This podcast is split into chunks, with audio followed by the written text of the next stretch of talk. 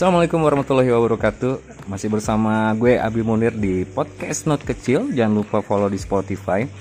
Kali ini hari Kamis Kalau kata orang Kamis itu manis atau mistis ya.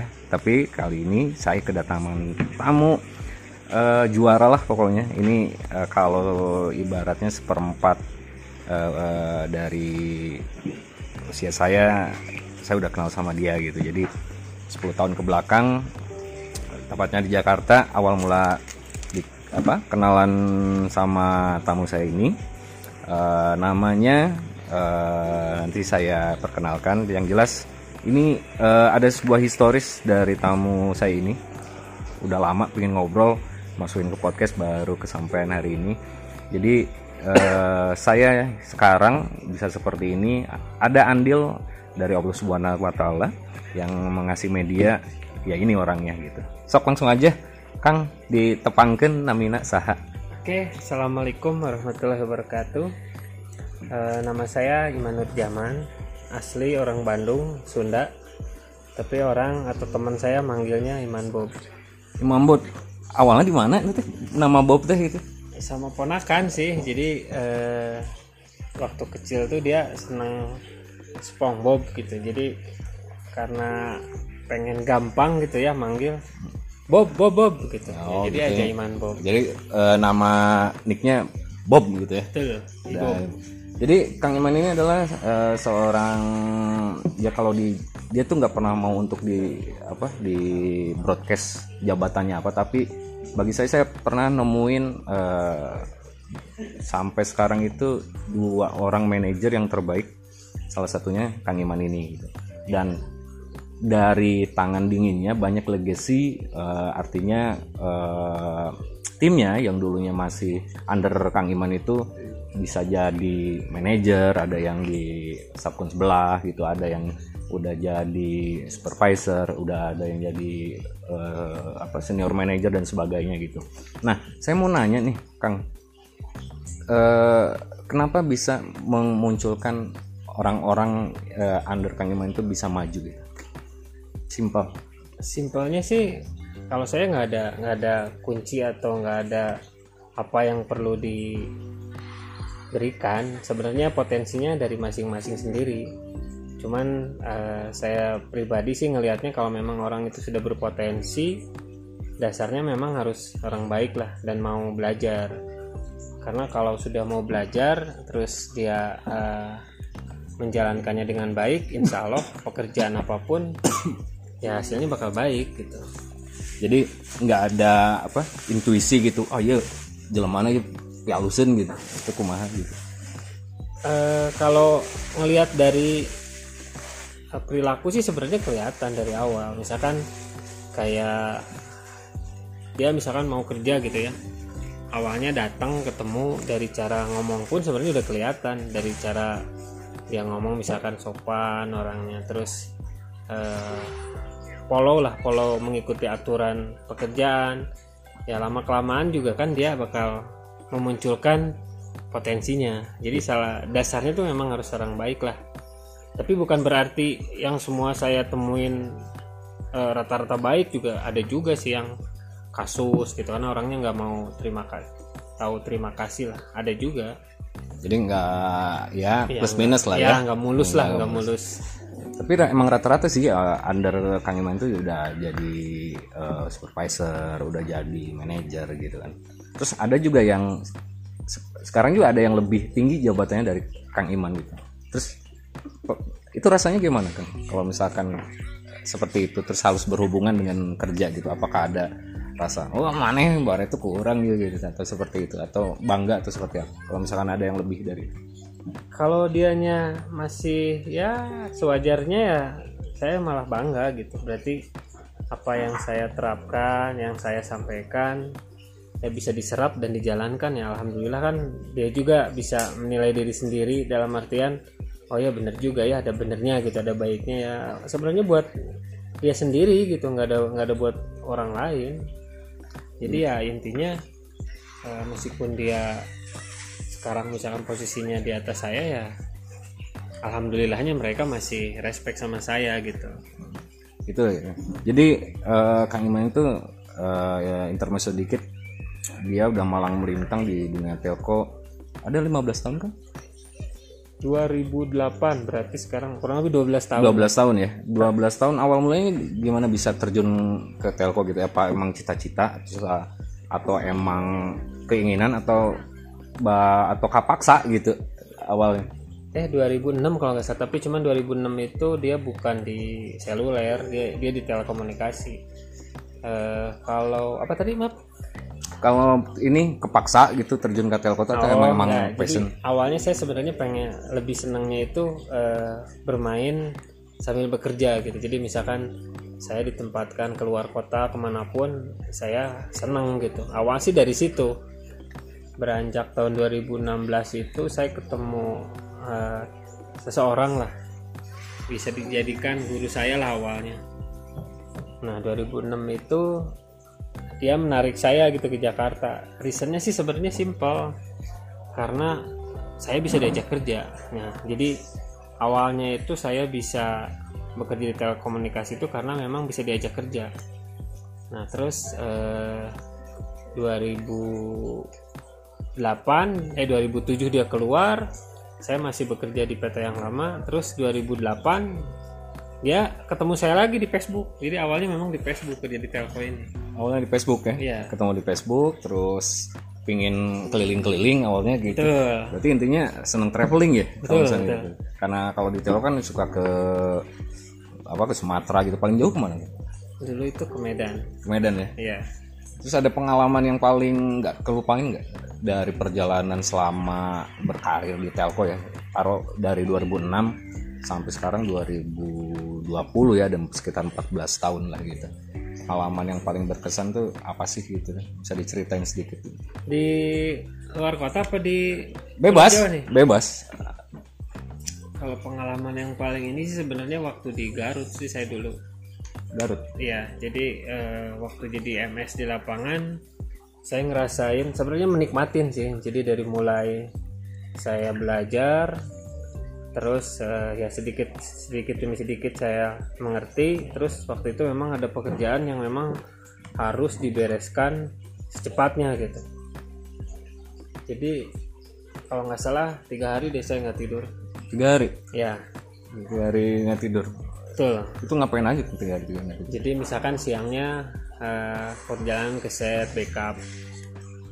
Jadi bisa sebenarnya bisa istirahat, jadi nggak nggak kerja nggak kerja terus menerus. hmm. Cuman pada saat sorenya ada troubleshoot lagi, malamnya ada troubleshoot sampai pagi selama kurang lebih tiga hari lah.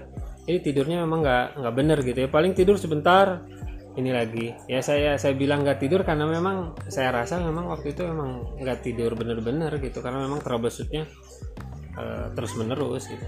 Sampai tiga hari terus-terusan itu ya sampai ya demi sebuah profesi ya gitu ya Betul.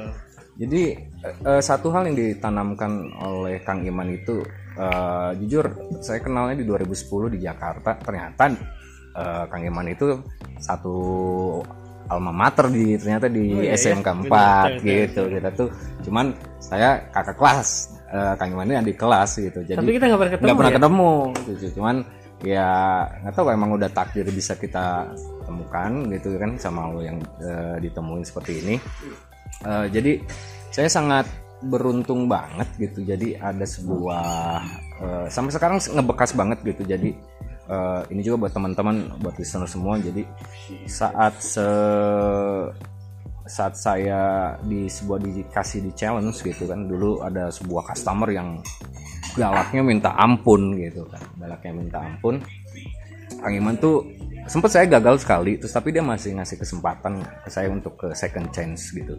Terus dia cuma pesen ke saya eh, suatu saat kalau bisa naklukin ini nanti bakal saat menghadapi customer lain kamu punya standar sendiri untuk customer ini. Di situ itu itu poin yang pertama dan alhamdulillah sampai sekarang saya belum pernah nemuin lagi customer segalak itu gitu. Dan satu lagi adalah saat eh, bekerja dia bilang kayak gini jika perusahaan nggak ngegajimu eh, seperti yang diharapkan biar Allah Subhanahu wa taala yang menggajimu. Gitu. Nah, dua pesan itu selalu saya te- tekankan dalam hidup saya gitu dan itu bisa kayak gitu gimana sih? Kan bisa bisa. Iya jujur Kang Iman itu nggak pernah mm, kalau kata anak-anak sih bager gitu kan. Ya mungkin marahnya juga kalau emang marah ter- terjadi case yang paling ya yang case yang nggak bisa dimaafkan gitu baru marah gitu. Tapi kok bisa mengendalikan sebuah emosi terus bisa sabar bisa bisa seperti itu dan ngasih sebuah bagi saya berkesan gitu. Ya emang dididiknya itu dulu seperti apa sih. Jadi kalau saya sih sebenarnya dari sisi keluarga juga didikannya keras. Terus pas ketemu temen yang ngajarin saya di telco juga memang keras gitu. Jadi eh, lucu gitu. Kadang lucu tapi memang kalau diambil secara hikmahnya memang bagus gitu. Jadi contohnya kayak gini nih, misalkan eh, eh, dia misalkan ngasih materi eh, tentang BTS gitu. ya Ah, dia materinya panjang gitu. Sampai selesai ditanya sama dia kamu ngerti nggak? Enggak. Ah goblok kamu gitu hmm. ya udah yang pertama saya terima. Yang kedua kali kamu ngerti nggak? Karena saya bilang nggak ngerti pasti dibilang goblok lagi. Saya bilang bisa. Nah, Iya. tapi pada saat suatu saat misalkan terbesut dengan hal yang pernah di ini kan saya nanya lagi juga malah jadi dimarahin. Loh kamu katanya waktu itu ngerti? Wah. Nah, jadi di situ sebenarnya saya jadi ngambil kesimpulan sebenarnya segala sesuatu ilmu yang kita yang diberikan sama orang itu sebenarnya harus kita ya minimal kita catat. Kalau misalkan ingatan kita kuat ya minimal diingat. Hmm. Nah, jadi awalnya dari situ jadi saya setiap kali ada hal yang baru ya memang selalu saya ingat gitu karena itu memang jadi bekal. Nah, terus soal mengenai apa yang dimaksud dengan gaji atau salary lah. Sebenarnya salary itu eh, berhubungan dengan rezeki. Karena kalau rezeki itu sebenarnya sudah ditakar sama Allah. Tergantung dari ibadah. Ah sorry. Tergantung dari apa yang akan eh, kita cari. Rezekinya mau seperti apa. Kalau semakin giat ya rezekinya semakin bertambah. Hmm. Nah, yang dimaksud dengan eh, kita itu bekerja yang menggaji Allah itu adalah ya kita sebenarnya kerja itu adalah amanah. Jadi eh, apa pun yang diperintahkan, apa pun yang di eh, SOW atau istilahnya SOP yang harus kita jalankan, ya kita jalanin aja. Hmm. Jadi ya, awalnya gitu jangan terlalu kita minta nuntut gaji A, B, C, D sampai benar-benar detail jangan Hmm, dulu karena apa yang kita lakukan belum tentu bagus gitu. Ya, kadang kan sekarang banyak yang nuntut gaji duluan ya, Kang daripada apa kinerja duluan. Terkadang seperti itu gitu. Kalau kita kan angkatan lama kan biasanya eh, dididiknya emang keras gitu kan. Nah, buat tips buat yang mau gabung telco itu apa sih? Sebenarnya tipsnya itu ya eh, apa ya sebenarnya kalau yang saya jalanin selama ini sih intinya eh, apa yang diberikan eh, sama senior kita, teman kita mau mau posisinya dia di atas atau di bawah sebenarnya ilmunya semua itu kita serap. Cuma nanti kita bandingkan dengan yang benar-benar ya istilahnya eh, ilmunya yang benar-benar sesuai lah gitu. Kan kadang ada orang yang ngasih materi atau ngasih ilmu itu asal-asalan gitu. Nah, nah sebenarnya yang guru yang paling terbaik adalah dari pengalaman. Jadi semua apa pun informasi yang diberikan temen itu ya kita serap nanti kita tinggal jalankan kita pilih mana yang lebih baik dan lebih bagus maksud yang lebih baik dan lebih bagus itu adalah cara tercepat untuk menyelesaikan suatu masalah hmm, jadi yang paling cepat itu eh, semua caranya mungkin benar tapi kita pilih yang paling cepat gitu. ya. Jadi eh, Kang Iman juga apa namanya eh, dia termasuk eh, orang yang tangan dingin tangannya itu dalam maksud eh, setiap dia pegang sesuatu bakal berkembang. Gitu. Jadi eh, saya ceritain dulu megang MS di Jakarta ya kalau tapi nggak nggak salah. juga Nir. Iya, tapi kan Ada juga eh, yang panas. Ya ada juga yang mana, tapi eh, dulu Jakarta pegang lah, pegang di terus jadi jadi nomor one lah gitu. Terus ke WJ eh, balik ke kampung halaman pegang 219 eh 219 kalau nggak salah di Sukabumi dan sekarang udah nyampe berapa nih sekitar delapan ribu lah delapan ribu. Jadi eh, dan sekarang di RO juga sama gitu. Jadi eh, megang RO yang awalnya berantakan terus akhirnya menjadi nomor satu lagi gitu. Tapi kan ada andil dirimu juga itu. Iya.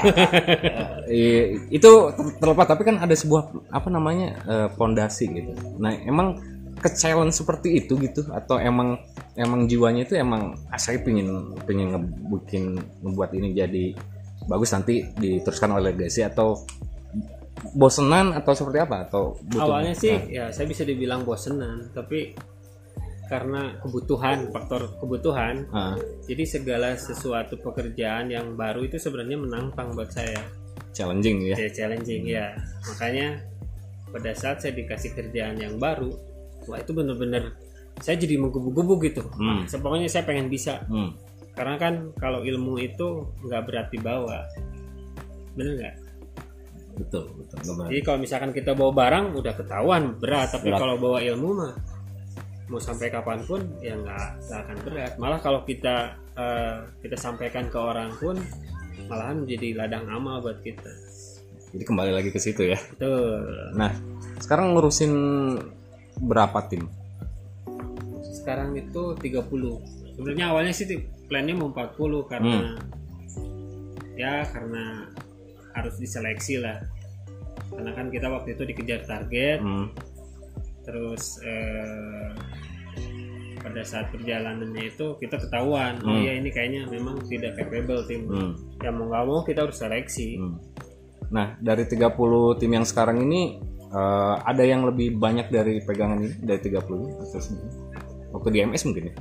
Waktu di MS kalau di sini sih awalnya 4 target 40 waktu itu maksimal 32 Hmm.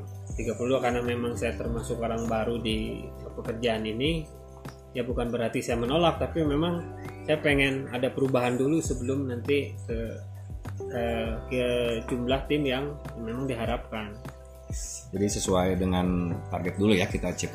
Nah, ada dua pertanyaan nih. Yang pertama, tapi kudu dijawabnya. Yang pertama, enak MS, enak RO, sok mangga. sebenarnya ada ada enaknya ada nggak enaknya. Jadi saya misalkan ngomongin dulu MS ya. Ah, kalau di MS itu pada saat Jumat sore itu hal yang paling enak lah menurut saya di MS karena eh, secara pekerjaan hari Jumat itu ke ke Minggu itu di MS bisa dibilang pressure-nya nggak sebanyak hari-hari hari-hari biasa ya. Iya. Dan rata-rata juga pemadaman listrik tuh nggak di weekend ya. Itu paling insiden lah. Insiden. Nah tapi kalau di roll out kebalikan. Kebalikan justru di weekend. Ya, jadi hari Senin itu kita santai, tapi hari Sabtu Minggu luar biasa. Dikejar-kejar. Ma, integrasi gitu. ya. ya. jadi kalau dari sisi hari ya, tapi Hmm. kalau dari sisi pekerjaan, mungkin karena memang saya sudah kurang lebih udah 9 10 tahun di MS. Hmm. Terus di sini ada challenge di roll out ya kalau saya pribadi secara sekarang Hmm. saya lebih memilih roll out. Lebih Lebih prefer lebih prepare di roll out. Betul. Why? karena dari di sisi roll out itu ada ilmu baru. Satu ilmu baru. Tuh. Kedua, Keduanya kepuasannya lebih gitu. Lebih ini ya, lebih apa namanya? ya, eh, karena ada target mungkin ya. Ada target yang dikejar atau Ada, ada, target dan ya apa ya pokoknya kalau secara ininya meskipun ke- pekerjaannya lebih banyak Hmm. tapi nilai kepuasannya memang lebih sih. kalau ibaratin tuh MS sama RO tuh apa sih kan? Dulu tuh pernah nyerita gitu. Kalau MS tuh ibarat apa sih? Kalau dokter tuh yang merawat gitu. Betul. Kalau kalau RO tuh yang ngebantu melahirkan atau gimana sih? Dulu tuh pernah ada analoginya seperti itu. Ini hal yang simple kalau misalkan bikin tahu roll out sama MS. Saya lupa lagi ya tapi secara detailnya sih kalau MS itu kan kita merawat seperti kita merawat anak kecil dari bayi gitu kan. Nah, Jadi pada saat bayi nangis kita kasih Hmm. makan. Jadi maksudnya nangis tapi nggak tahu kan mau apa. nah, Tapi karena kita udah kebiasaan lama-lama kita jadi tahu kan oh ya ini maunya ini ini mau ini Hmm. sama ya MS. Tapi kalau roll out pokoknya sesuatu pekerjaan baru itu pasti baru. Dan kita nggak tahu mau, mau seperti apa gitu. Hmm, Contoh misalnya ada pekerjaan new site. hmm, Awalnya kan saya nggak tahu new site mau seperti apa ya udah berarti kita kerjain aja. hmm, hmm. Tapi setelah di iniin oh iya si rollout itu lebih seperti apa? Lebih lebih dari mengurus bayi gitu. Hmm. Pokoknya lebih unik lah dari sisi rollout. Bagaimana dari set yang belum link di harus untuk ngelingkan ya sampai LID sama SA ya sama set integrasi. Terus pertanyaan yang kedua, beda eh, enak ngurus tim RO apa ngurus tim MS? bedanya di mana?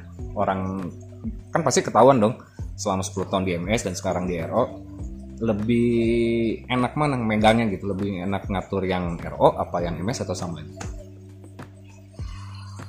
kalau secara ngatur tim sih sebenarnya sama aja karena kan yang kita atur adalah teman-teman di lapangan hmm. cuman yang membedakannya itu adalah pada saat eh, kalau teman-teman MS ya pada saat dia ada terbesut kita pandu A B C D sampai Z itu Nah, SOP-nya udah ada hmm. tapi kalau roll out SOP sudah di jalan pun ada case yang tidak terselesaikan teman-teman teman itu itu jadi challenge lagi Hmm, ada hmm, tantangan lagi. hmm, oh ya kita harus cari informasi ini ke mana ke siapa. Ya intinya rollout memang lebih lebih kompleks. Lebih kompleks ya. Dibanding MS ya. Jadi kalau misalnya MS mah kayaknya eh, flow-nya ya bukan ngerem MS ya, tapi da, bu- maksudnya dia pekerjaannya kontinya seperti seperti itu aja ya kayak Betul. kalau misalkan roll out mungkin banyak karena kompleks itu sendiri banyak challenge-nya gitu. Terus sekarang lagi hobi nge apa sih ngevape ya? betul. Nah bisa hijrah dari rokok ke vape itu gimana? Eh, awalnya sih karena istri saya ngerasa nggak nyaman dengan bau rokok gitu. Ah, bau lah istilahnya ah, gitu kan. ah. saya juga dulu sebel juga ngapain sih mesti dilarang-larang gitu kan? Hmm, hmm, orang ini juga istilahnya eh, udah biasa gitu kan. Hmm, sesuatu yang menurut kita enak dan nyaman gitu. Kenapa orang lain risih? Nah, hmm, berawal dari situ ya saya penasaran gitu. Hmm, Ya udahlah saya cari-cari info. Hmm.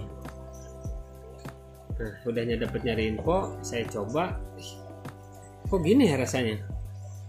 Tapi karena niatnya pengen Pengen berhenti, nah, ya saya paksain. Dan alhamdulillah 2016 saya berhenti ngerokok Dari 2016 berarti udah 4 Udah tahun ya? tahun, ya. Enak loh. Enak. Lebih, lebih, Enak, berasa, lebih- lebih, lebih- berasa dari sisi flavor lebih berasa. Saya bukannya mau apa mau promosi vape, tapi yang saya rasain Hmm, eh, kelebihannya ya hmm. badan nggak bau, Satu badan nggak bau. baju nggak bolong-bolong.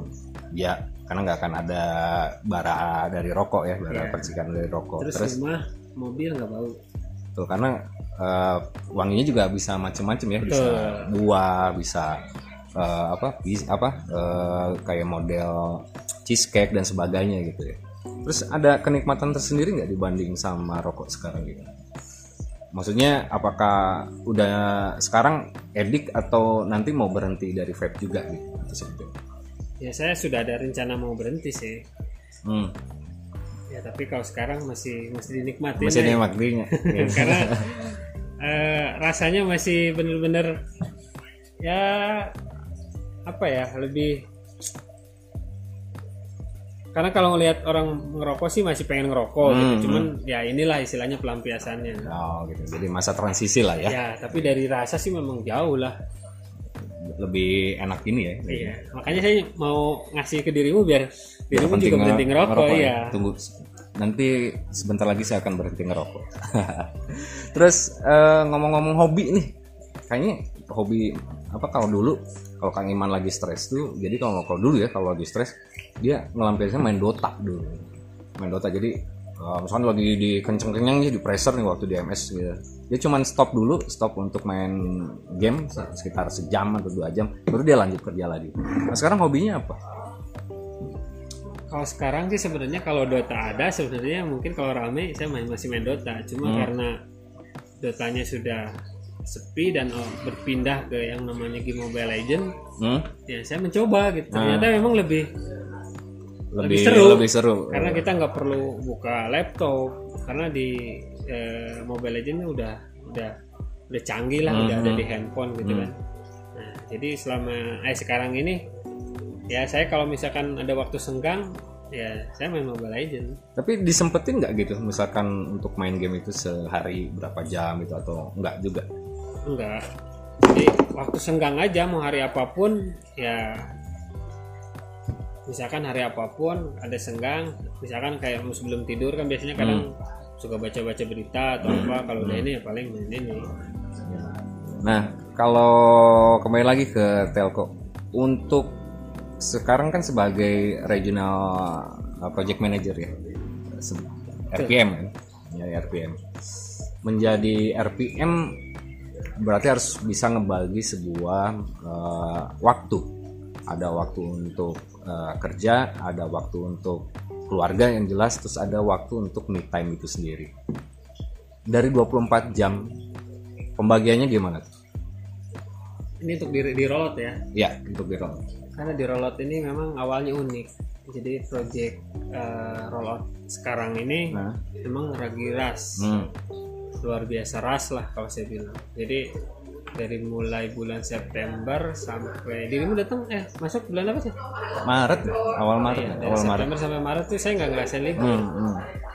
Nah, jadi kalau ngebagi waktunya adalah pada saat ya saya bilang tadi jadi Hmm. hari Senin itu memang saya maksimalkan untuk libur. Jadi untuk Senin tuh libur ya? Iya, Karena kan di rollout minggu tuh harus uh, cut over untuk integrasi ya. Betul. Jadi pagi-pagi saya ngeliat Hmm. plan, udah itu ya udah.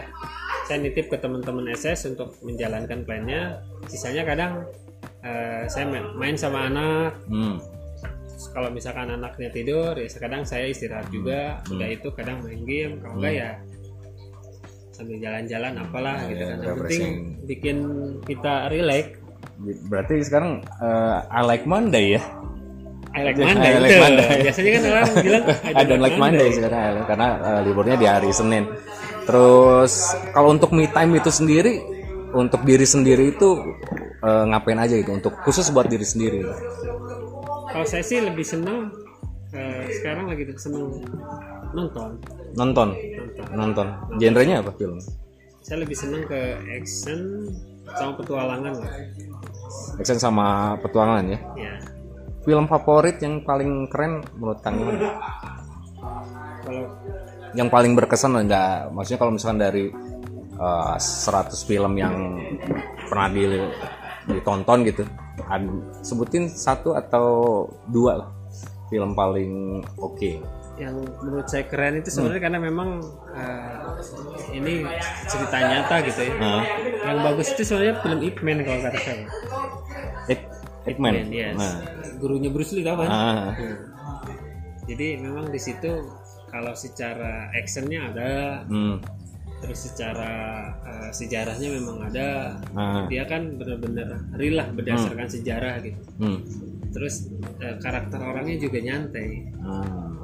Jarang marah. Gitu. Tapi kalau sekali ini ya keren lah gitu. Jadi Ip Man. Satu lagi? Kalau untuk actionnya sih, soalnya variasi hampir semua bagus ini. Hmm, hmm. Cuman kalau untuk yang favorit sih apa ya? Yang favorit apa ya? Hampir semua kali. Hampir semua. Hampir semua ya. Pokoknya film X genrenya action gitu yang yang ada kriminal, yang ada kejar-kejaran, yang Hmm. ada ini ya pokoknya yang bikin kita mikir lah. Jadi eh, Kang Iman tuh lebih suka yang action ya. So, berarti Ip Man. Nah, tokoh yang paling eh, favorit atau yang diidolakan? Luar ya. Bebas. Indonesia luar.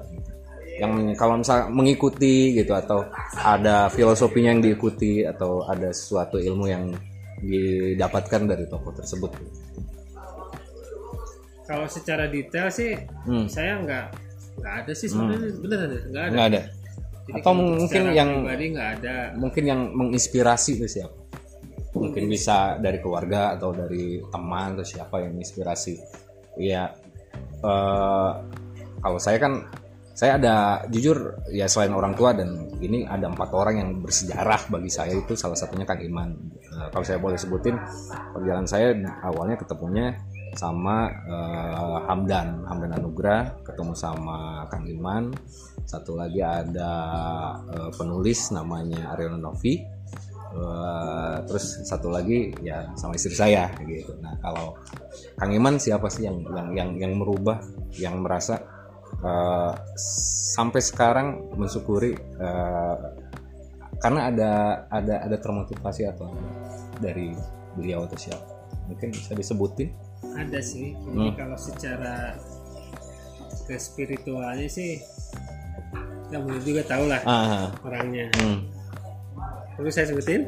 boleh mau disebutin juga nggak apa-apa gitu Jadi yang waktu itu saya memang kagumi ya Aopik lah Aupik ya ya Nah. sempat ketemu kan Ah. jadi secara ininya masuk gitu apa yang apa yang kita pikirkan dan Hmm. kita harapkan itu sebenarnya hmm. ya dia bisa bisa menyesuaikan dengan apa yang kita harapkan gitu. Hmm. jadi baik dari sisi ngobrol dari sisi pekerjaan dia masuk gitu Hmm. jadi secara ininya secara logika ya ya betul terus yang kedua sebenarnya dirimu nih wah iya karena saya saya pertama kali kenal dirimu juga kan awal-awal tahun 2009 apa dulu? dari sembilan dulu di, 2009. ah, di di Jakarta karena dirimu dasarnya baik saya Hmm. lihat ya pasti buat diajak bekerja Hmm, ya juga baik Hmm. gitu kan nah, makanya waktu pas setelah di Jakarta terus saya pindah ke perusahaan yang sekarang juga kan saya berpikirnya nah kenapa nggak saya ajak Hmm. ya karena ya klop lah kalau Nah. saya lihat gitu kan dan saya rasain Hmm. dari sisi pekerjaan dari sisi ya kadang-kadang kita suka juga curhat juga kan. Iya. Ya dirimu kadang menasihatiku gitu kan. Hmm. kadang ngasih masukan baik dari sisi pekerjaan ataupun apa pun lah. Ya makanya saya ngerasa nyaman Hmm. gitu. Jadi jadi kalau boleh dibilang eh, saya juga pingin pindah ke WJ juga mungkin udah udah digariskan ya. Tapi ada satu syarat sih dulu tuh asal ada Kang Iman terus yang kalau misalnya saya gabung Kang Imannya jangan jangan ninggalin saya persyaratannya itu doang gitu tapi memang eh, kita tuh kayak udah kayak duet maut kali ya kalau kita tuh di mana-mana kali Benar, ya. bisa jadi. karena kan alhamdulillah Ya. semenjak kita berkolaborasi lagi eh, dulu waktu pas DMS alhamdulillah kita bisa lewatin kan masa-masa suram dan masa-masa Hmm. Iya masa-masa yang ini tapi Tirol juga sama gitu Ah. kan bisa kita lewatin alhamdulillah meskipun ya kita belum belum sempurna lah hmm, hmm. kita masih baru belajar lah tapi arti berjuangnya kerasa banget nih gitu. nah las pertanyaan terakhir cita-cita lima tahun ke depan pingin jadi apa apakah kalau saya kan pingin jadi podcaster pingin punya lembaga pelatihan gitu kan. Kalau Kang Iman tuh pingin jadi apa sih gitu? Maksudnya apakah membuka perusahaan sendiri atau mau eh, wirausaha atau misalkan eh, atau misalkan berkarir ke operator atau ke yang lain? Mungkin bisa. Kalau saya sih kalau udah swasta sih jujur agak susah nih karena mungkin Hmm. saya tipenya orang pekerja ya dalam kerja terus kalau misalkan mau kayak dirimu podcaster atau youtuber hmm, saya juga nggak ada bakatnya hmm, jadi eh, rencana lima tahun ke depan sih intinya saya pengen bekerja lebih baik meskipun itu di tempat mana pun ya intinya Ah. saya mau bekerja lebih baik jadi nggak neko-neko kalau Kang Iman tuh orangnya nggak neko-neko ya Gitu. jadi kalau untuk cita-cita Ah. sih tadi udah di situ sampaikan Hmm, hmm. bahwa saya ada plan gitu ke Ah. pekerja yang ya mudah-mudahan sih dikasih jalan. Ada sinyal ya. Di ada sinyal-sinyal untuk ke operator nih kayaknya. Mudah-mudahan. Mudah-mudahan ya gitu. Tapi eh, detail kok mungkin kan ya? Ya mudah-mudahan juga Detail kok. jadi seru ya. Jadi ngobrol sama Kang Iman ini. Jadi ya saya juga banyak banyak belajar. Bukan dari secara eh, telekomunikasi. Karena jujur saya tahu BTS tahu transmisi itu dari Kang Iman saya cideng masih apal di bekal ini cuman eh, dikasih satu eh eh, di- sini apa tantan abang ya Cideng deh, pokoknya daerah Cideng ya. Cuman dikasihnya cuman modalnya ini bawa LED dulu LED ya. Ya. Dibawa LED kasih telepon. Dulu saya nggak bisa apa-apa. Jadi ini pelajaran buat semua. Dia cuman ngajarin. Ini bawa pu- punya HP kan? Ada. Ini bawa LED. Ini buat apaan? Sama Kron satu lagi. Bawa. Buka BTS. pokoknya sejam. Kalau sejam nggak bisa, nanti di telepon saya. Sejam beneran nggak bisa gitu. Terus akhirnya nelpon gitu. Bisa? Gitu. Nggak bisa gitu saya bingung kan ngapaan gitu coba itu dicek Cek. pas dicek pakai ini ya itu ini kedip-kedip ya udah itu kencengin gitu. pasti kencengin akhirnya BTS itu nyala dan saya tuh sampai sekarang juga berterima kasih gitu. Pas di situ saya ngambil pelajaran terus eh, eh, Kang Iman cuma kasih tahu kalau misalkan di telco selama telepon masih nyala dan ada masih ada tekad gak usah takut. Gitu. jadi sebelum apa sebelum melakukan sesuatu tanya dulu ke teman ke siapa yang penting bisa dihubungi. Jadi buat teman-teman yang di telekomunikasi pentingnya eh, komunikasi pentingnya eh, bisa dihubungi itu adalah modal yang terpenting. Nah sekarang eh, Kang Iman saya kasih waktu eh, satu menit atau dua menit mungkin mau ngasih sesuatu hal ya buat generasi ke depan di dunia telekomunikasi. Karena bagi saya eh, Kang Iman itu adalah salah satu the best manager eh, dan ilmu-ilmunya kadang saya copycat gitu untuk saya implementasikan ke Ah, tim saya gitu. juga nih lah. kan bagi saya gitu kan. Jadi mungkin ada tips atau misalkan ada eh, saran buat teman-teman? Eh, kalau saya sih eh, bukan menyarankan sih ya intinya jadikan eh, pengalaman adalah guru yang terbaik. Itu sebenarnya eh, kata-kata itu memang setelah saya jalankan memang luar biasa gitu. Ah. jadi kadang kalau kita kurang mengerti kurang paham terus eh, kita dikasih eh, tugas lah istilahnya sama atasan Hmm, ya kita kerjakan. Hmm, harus ikhlas gitu karena dengan dasarnya ikhlas apa pun yang kita kerjakan baik eh, ilmu atau Hmm. pekerjaan yang kita jalankan ya timbal baiknya ya jadi alhamdulillah gitu. Pasti gampang menyerapnya. Jadi memang harus eh, salah satunya memang harus ikhlas dulu. Hmm, sudah ikhlas kita menjalankannya dengan baik. Hmm, ya ini lucunya nih ya. Kadang Hmm. ada eh, orang yang benar-benar nol gitu. Ya mungkin kalau kata orang mungkin bisa dibilang bodoh lah ya. Nah. Kalau kata saya bukan bodoh Ah. tapi orang itu memang belum tahu. Belum tahu ya. Ya, makanya eh, kita kasih tahu eh, dasarnya terus eh, dia kerjakan sendiri. Hmm, nanti kan itu jadi jadi pengalaman buat dia kan. Hmm, Nah, pengalaman yang dia lakukan waktu itu mungkin bisa jadi pengalaman yang terbaik. Dia apa? Guru yang terbaik buat dia sendiri. Nah, karena memang saya dari dulu memang seperti itu dan saya jalankan, ya alhamdulillah gitu. Bukan berarti saya sombong ya. nah, Ya alhamdulillah gitu. Saya bisa menyerap dengan baik karena memang dasarnya kita harus ikhlas. dari kelas ya Ikhlas itu. Ikhlas, terus amanah, hmm, apa yang diperintahkan ya kita kerjakan dengan baik jadi jangan kita mengerjakan itu dengan hati yang dongkol Hmm. kesel hmm, karena itu nggak ada buat rugi buat kita. Rugi, ya. tapi kalau ikhlas kita mengerjakannya insya Allah bukannya kita mencari rezeki nanti rezeki Hmm. yang akan mencari kita. Bijak sekali ya Kang Iman ya. Jadi eh, thank you banget buat teman-teman. Eh, jangan lupa follow podcast saya di Spotify. Thank you Kang Iman. Eh, podcast ini saya sengaja ngajak Kang Iman eh, biar nanti 5 atau 10 tahun atau suatu saat hari pas tua lah nanti masih bisa ngedengerin podcast ini setidaknya saya ini adalah ucapan terima kasih atas andil Kang Iman saya bisa seperti ini jadi mudah-mudahan bisa berkesan buat Kang Iman sama-sama Kang Munir Siap hatur nuhun sadayana. Eh, jangan lupa ya follow podcast saya di Spotify Not Kecil. Assalamualaikum warahmatullahi wabarakatuh. Waalaikumsalam warahmatullahi wabarakatuh